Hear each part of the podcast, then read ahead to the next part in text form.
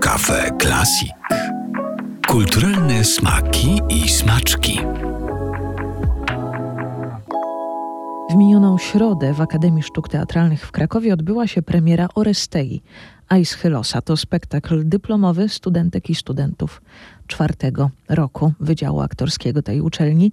Pracą nad dyplomem kierował Michał Zadara. Dlaczego kierował, a nie reżyserował, to sam jeszcze dzisiaj wytłumaczę. Ale zacznijmy od przypomnienia, że wcale niełatwo jest powiedzieć, czym jest grecka tragedia.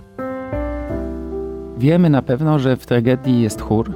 Zawsze w każdej tragedii jest chór, czyli jakieś zbiorowisko ludzi i o ten chór chodzi. Koniec końców, czyli oni doświadczają rzeczywistości, rzeczywistość się zmienia dla nich, oni doświadczają historii i w pewnym sensie oglądamy te tragedie, te historie przez nich.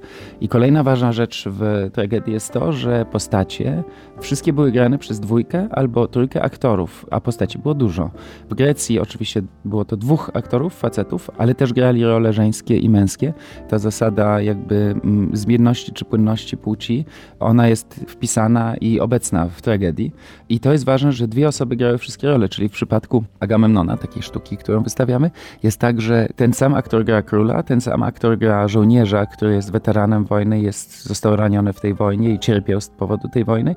Ten sam aktor gra niewolnicę, która zostaje wykorzystywana przez tego króla, przez tego generała, jest jego niewolnicą też seksualną. I ten sam aktor gra człowieka, który zabija tego króla.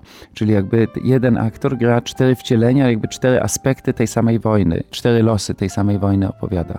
I to jest wpisane jakby w dramaturgię tragedii. Coś, co tradycja teatralna jakby trochę zapomniała przez wieki. Ta dramaturgia, że to jest napisane na dwóch aktorów plus chór. Taki jest skład założony przez Aeschylosa i ten skład oczywiście jest jakby odzwierciedlony w, w samych strukturach scen, czyli nigdy nie ma scen, gdzie jest więcej niż dwie postacie. No i dlaczego tak jest? No bo tylko było dwóch aktorów oczywiście. I teraz jak w nowoczesnym teatrze zastępujemy i jakby dajemy każdą rolę innemu aktorowi, to tracimy istotę tego pomysłu na dramat, który mieli Grecy. I potem, co dla mnie jest bardzo ciekawe, nie wiem czy to kogoś innego jeszcze może wzruszać, ale dla mnie jest bardzo ciekawe, że, że w końcu niektórzy pisarze nagle pomyśleli o tym, że przydałby się też trzeci aktor, że nie każdą sytuację ludzką da się ująć w tej sytuacji dwójkowej, jeden na jeden, tylko czasami jeszcze są trzy osoby, jeszcze jest ten trzeci, ten trzeci patrzy, albo ten trzeci ingeruje, ten trzeci jest świadkiem. Jako ta trzecia możliwość ludzka, że nie jest się ani ofiarą, ani sprawcą, tylko właśnie tym trzecim, który gdzieś może wybrać strony. I to się dzieje, co jest fascynujące w Orestei, w samym środku dramatu. To znaczy, że są dwie części Orestei, gdzie są sceny dwójkowe i nagle w trzeciej części pojawia się konieczność wprowadzenia trzeciego aktora, bo tak się sytuacja pokomplikowała między ludźmi. To jest coś bardzo wzruszającego, jak to się widzi po prostu w samym dramacie ten moment historyczny, kiedy właśnie ktoś pomyślał, ej, a może w teatrze powinniśmy mieć też czasami sceny, w których występują trzy postacie. To nie jest proste, żeby to wszystko opowiedzieć to wymaga jednak pewnej pogłębionej i wieloletniej lektury i teraz to wszystko trzeba było y, z tymi studentami i, i studentkami przepracować w ciągu 10 tygodni, żebyśmy razem zrobili sensowny spektakl, który jest też przyjemny w oglądaniu. Więc to, co ja zaproponowałem, to było, żebyśmy pracowali w, używając metody zarządzania, która się nazywa Scrum. To jest słowo wzięte z rugby. Scrum oznacza ten proces, jak cała linia graczy idzie do przodu, awansuje przez pole, podając sobie piłkę. Ta piłka jakby idzie do przodu, mimo tego, że jakby żadna osoba jedna nie jest za to odpowiedzialna, tylko ciągle wszyscy pracują w formacji.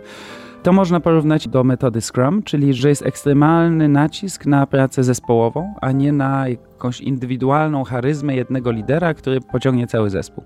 Więc moją rolą tutaj, ja z zawodu jestem reżyserem, ale tutaj miałem nieco inną rolę. Byłem oczywiście zasobem wiedzy, jeśli chodzi o Oresteję. Znam bardzo dobrze ten tekst, to dlatego czytam. Nawet ustaliliśmy ostatnio, że już go czytam dłużej niż niektóre z tych osób żyją, e, z którymi pracowałem. Też trochę znam odrobinę greki, więc i też tłumaczyliśmy bezpośrednio z greki, z takiego bezpośredniego, dosłownego przekładu na angielski z greki. Natomiast tutaj moja rola polegała na tym, że organizowałem pracę i procesy, które inni wykonywali.